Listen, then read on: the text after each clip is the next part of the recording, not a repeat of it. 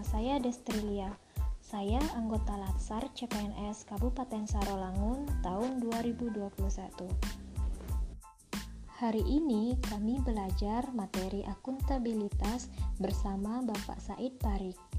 Pengertian akuntabilitas secara umum merupakan kewajiban pertanggungjawaban yang harus dicapai. Kami diberi contoh seperti seorang supir travel.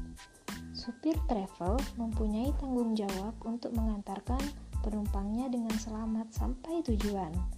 Untuk menanamkan jiwa akuntabilitas, diperlukan lingkungan kerja yang akuntabel, yaitu kepemimpinan, transparansi, integritas, keadilan, kepercayaan, keseimbangan, kejelasan, tanggung jawab, dan konsistensi.